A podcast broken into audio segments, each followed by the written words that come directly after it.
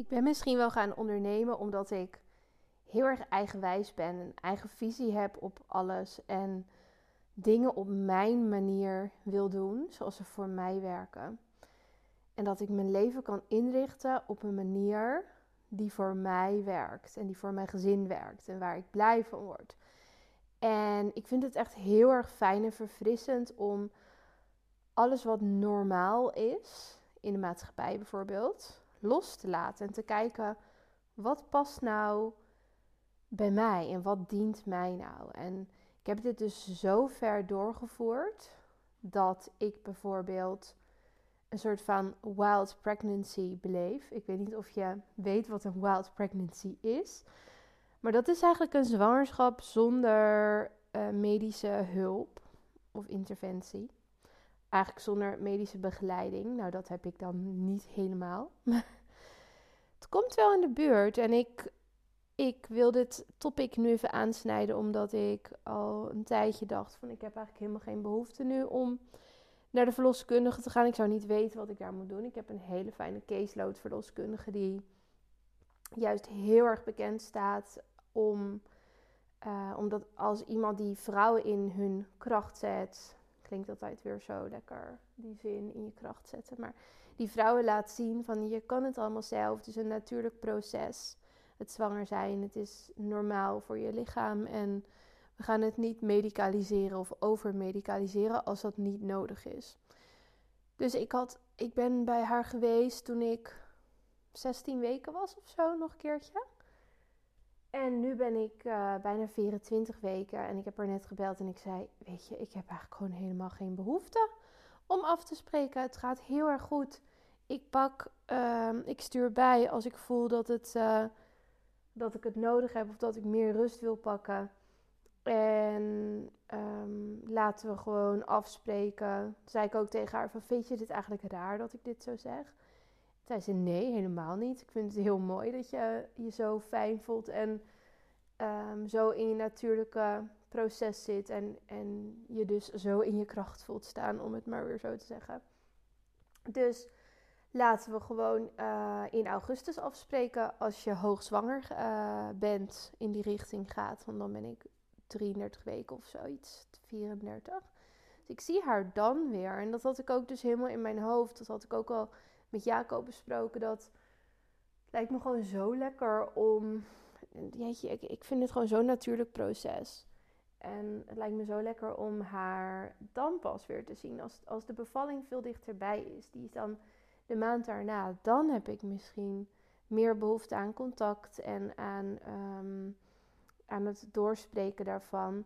Maar verder vertrouw ik erop dat ik zelf voel hoe het met mij gaat en hoe het met de baby gaat. En Zodra ik me niet goed voel, kan ik erop sturen. En doe ik het gewoon op deze manier. En ik word me dus steeds bewuster. Dit is dan even een voorbeeldje van nu, van mijn leven van nu. Maar het werkt echt in alles door. Dat ik denk, ja, heel veel dingen zijn gemaakt voor, voor een gemiddelde, voor alle mensen. Omdat het nu voor eenmaal voor alle mensen het beste werkt. Of de gemiddelde zwangere bijvoorbeeld. Maar dat, we zijn niet per persoon de gemiddelde zwangeren. En we hebben allemaal een eigen behoefte. Dus het is zo makkelijk om klakkeloos als een schaapje met een, kudde mee, met een kudde mee te lopen. Van ja, maar iedereen doet het op deze manier. Iedereen gaat om de zoveel weken op controle en laat zich vertellen hoe het met haar gaat. Want zo voelt het een normale proces voor mij in de verloskunde, zoals ik dat gewend was vanuit Den Haag bijvoorbeeld. Dus dat ik bij een, gewoon een reguliere praktijk dat die mensen mij dan gingen vertellen hoe het met mij ging. En dat ik ook helemaal mijn kracht en mijn, mijn eigen uh, gevoel van hoe het met me ging uit handen gaf. Doordat het bijvoorbeeld bij Jul uh, allerlei andere groei en zo te zien was. Waardoor ik dus ook echt vet veel stress kreeg. En helemaal die connectie met mezelf dus heb losgelaten toen in die zwangerschap. Ook tijdens de bevalling, ook daarna kost het echt weer een heleboel tijd voor mij om die connectie weer te herstellen. Want dat is misschien pas toen Jul anderhalf, twee was, dat ik hem weer terug heb gekregen. Langzamerhand. En misschien juist doordat ik hem toen veel meer ben verloren, voor even, dat ik hem daarna zo sterk heb weten terug te pakken en heb doorgevoerd op alle aspecten van mijn leven. Nog een ander voorbeeldje. Ik had altijd met Jules op woensdag visio en logo. En op een gegeven moment begon het me zo tegen te staan. Toen was ik net zwanger. Daarvoor ook al. Elke woensdag op die tijd daarheen moeten. Terwijl woensdag onze dag samen is. En hij ook visio en logo op school krijgt. In groepsvorm, dat wel. Maar hij krijgt het daar wel. En het gaat super goed met het kind. Dus ik had echt zoiets van. Ja, het is misschien ongebruikelijk om dan gewoon te zeggen als ouder: Nou, we gaan dit niet meer doen. Want ik ga liever met mijn kind uh, lekker een pyjama-ochtend houden. En dan wel zien waar we zin in hebben. Maar als ik kijk naar de long term en, en gewoon het hele plaatje. Waar hebben wij dan het meeste baat bij? Het meest profijt van? En wat levert ons het meeste op? Waar worden we het meest blij van? dat is dat wij op woensdagochtend nergens naartoe hoeven, de hele dag niet, dat we lekker kunnen doen waar we zin in hebben. Dus wij hebben nu echt de leukste woensdagen met uh, rustig wakker worden. En dan gaan we lekker ontbijten, Jules spelen. Soms gaan we pannenkoeken bakken in de tuin. Dan gaan we dan lekker daarna. En nu dus met het mooie weer heel vaak naar het bos. Of fietsen naar de geitjes in het dorpje verderop. Die nu net baby's hebben. Echt super schattig. En we vullen gewoon de dag in hoe wij het leuk vinden. En dat vind ik pas waardevol met mijn kind. En dit soort dingetjes. Het is dus zo makkelijk om als een onbewust schaap een kudde te volgen en het allemaal maar op die manier te doen. Dit werkt dus in alles, werkt dit zo door. Qua gezondheid, voeding, Um, qua fotografie, uh, online profilering in je fotografie of in je bedrijf. Ja, maar iedereen communiceert op deze manier. Iedereen doet het zo. Of iedereen uh, vraagt uh, zoveel voor een, voor een shoot. Dan kan ik niet ineens een ander bedrag vragen. Hoezo kan dat niet? Waarom denken mensen dan niet voor zichzelf na? Zo, zo denk ik. En dat is natuurlijk niet van het een op andere moment. Ik was eerst ook gewoon een bleu uh, meisje nog eigenlijk toen ik Jul kreeg. Toen was ik 27, 28. En uh, werkte ik in loondienst bij iets wat ik heel stom vond in Amsterdam. En was echt, echt niks aan de, die baan, moet ik zeggen. En uh, vond ik het allemaal maar spannend en zo. En steeds door kleine stapjes te zetten. Ik heb toen ook die baan opgezegd, terwijl ik nog niks nieuws had op dat moment en er wel op vertrouwde. Maar dat was dus een kleine, grote stap ook wel. Maar dat was een belangrijke stap voor mij om vanuit onbewust naar bewust te gaan. Van hé, hey, dit werkt niet voor mij. Ik ga dit niet doen met een baby. Elke dag één uur heen, één uur terug en dan negen uur werken. Dus mijn kind gewoon niet zien. Ik ga dit gewoon niet doen. En ik zie het nu ook bij een vriendin van mij, heel grappig. Die, um, die ken ik uit Den Haag. En zij is nu met haar loondienstbaan gestopt. Want het werkte dus niet meer. Precies wat ik nu zeg. Dat ze heel veel moest reizen. En ze heeft haar tweede kindje gekregen vorig jaar. En ze zei: Weet je, ik ga dit gewoon niet doen. Ik ga stoppen. En dat heeft ze gedaan. En het is zo grappig, want ze heeft het gedaan en ze krijgt allemaal aanbiedingen van uh, opdrachten die ze kan gaan doen als ZZP'er dus. Dat ze echt denkt, wow. En dit is, dit is echt de kern. En dit is, als je hier meer over wil weten, dan raad ik als eerste het boek De Alchemist aan van Paulo Coelho. Dit is echt een uitdaging. Wij maken altijd grappen over hoe je dit uh, moet uitspreken. Echt hilarisch. Google op De Alchemist. en dan vind je het boek. En hoef ik zijn naam niet nog een keer uit te spreken. maar in ieder geval, dat boek is echt, het is een dun boekje. En het gaat dus over een jongen. En hij is herder en hij heeft dan van die schaapjes en dan moet hij schapen herden. En um, het gaat over, steeds krijgt hij dan tekenen en symbolen op zijn reis, in zijn, in zijn pad, zeg maar. En die tekenen die moedigen hem aan en, en leren hem lessen. En het, in dat boek staat ook de zin van waar je hart is, ligt je schat. En de kern van dat boek is dus gewoon dat die verbinding met je hart het allerbelangrijkste is in alles wat je doet. En als je dus met je hart verbindt, dat er dan een schat volgt. Dus dat er een beloning volgt. En ik merk keer op keer hoe ik dit dus in alle aspecten, groot en klein, van mijn leven doorvoer, dat die schat inderdaad volgt. Dus dit verhaal over de wild pregnancy en het zelf um, intunen op wat ik nodig heb, in mijn eigen kracht gaan staan in het vertrouwen zitten, in, in dat hart volgen.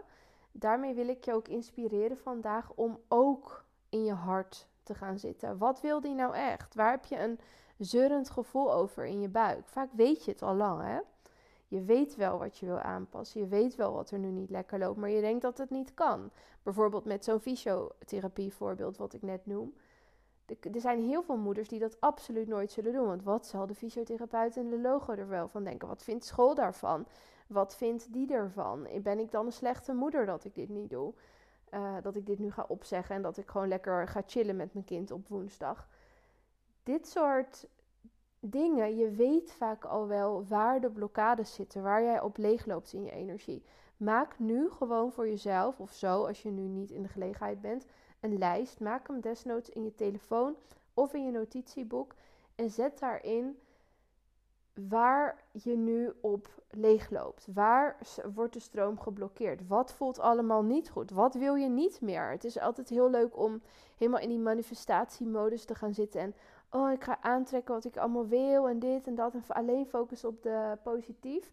Maar het is ook heel erg belangrijk om te kijken wat vind ik echt heel erg vervelend nu in mijn leven. Wat dient mij helemaal niet. Waar heb ik gewoon een, een rotgevoel over.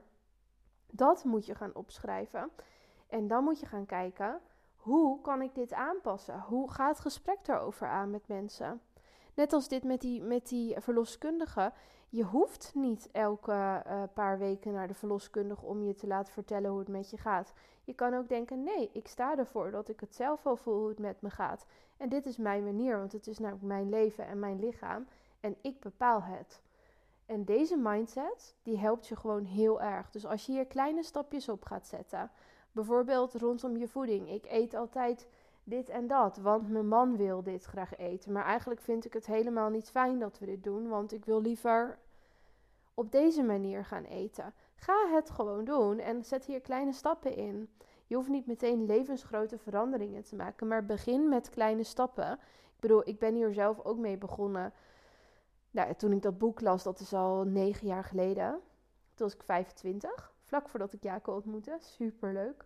En ehm, eigenlijk vanaf dat moment ben ik stapjes gaan zetten. toen, was het, dat, ja, toen is het bij mij allemaal begonnen. En nu ben ik hier. Het is een reis. Het gaat om die reis. En het, je hoort heel vaak de term alignment. Nou, dit is waar alignment absoluut over gaat. Dit gaat over alles in je leven gaan afstemmen op waar je naartoe wil. En waar je naartoe wil, dat weet jouw hart. En daar zit je kompas in. Dus ga hiermee verbinden. En het kan dus echt in alles zitten. In eten. Het kan ook zitten in de kleding. Dat je denkt: Oh, mijn kast heeft. Ik heb alleen maar dit soort kleding. Maar eigenlijk, als het aan mij lag.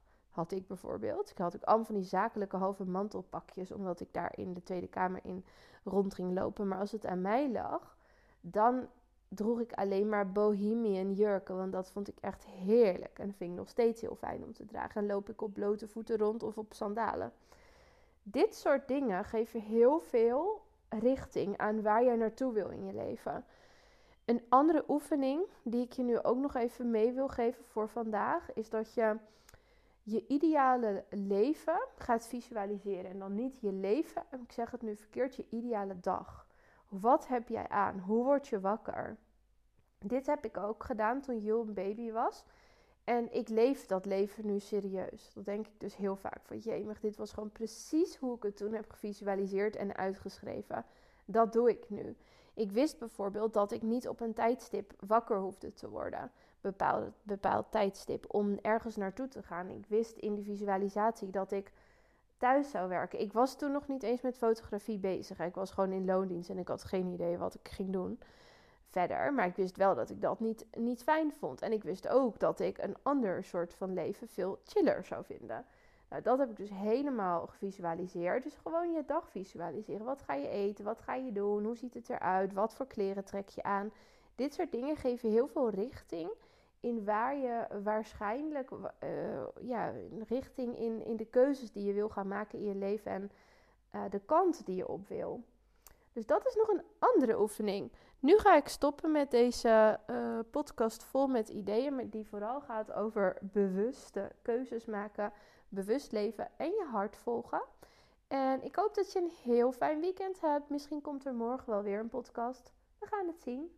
Doei!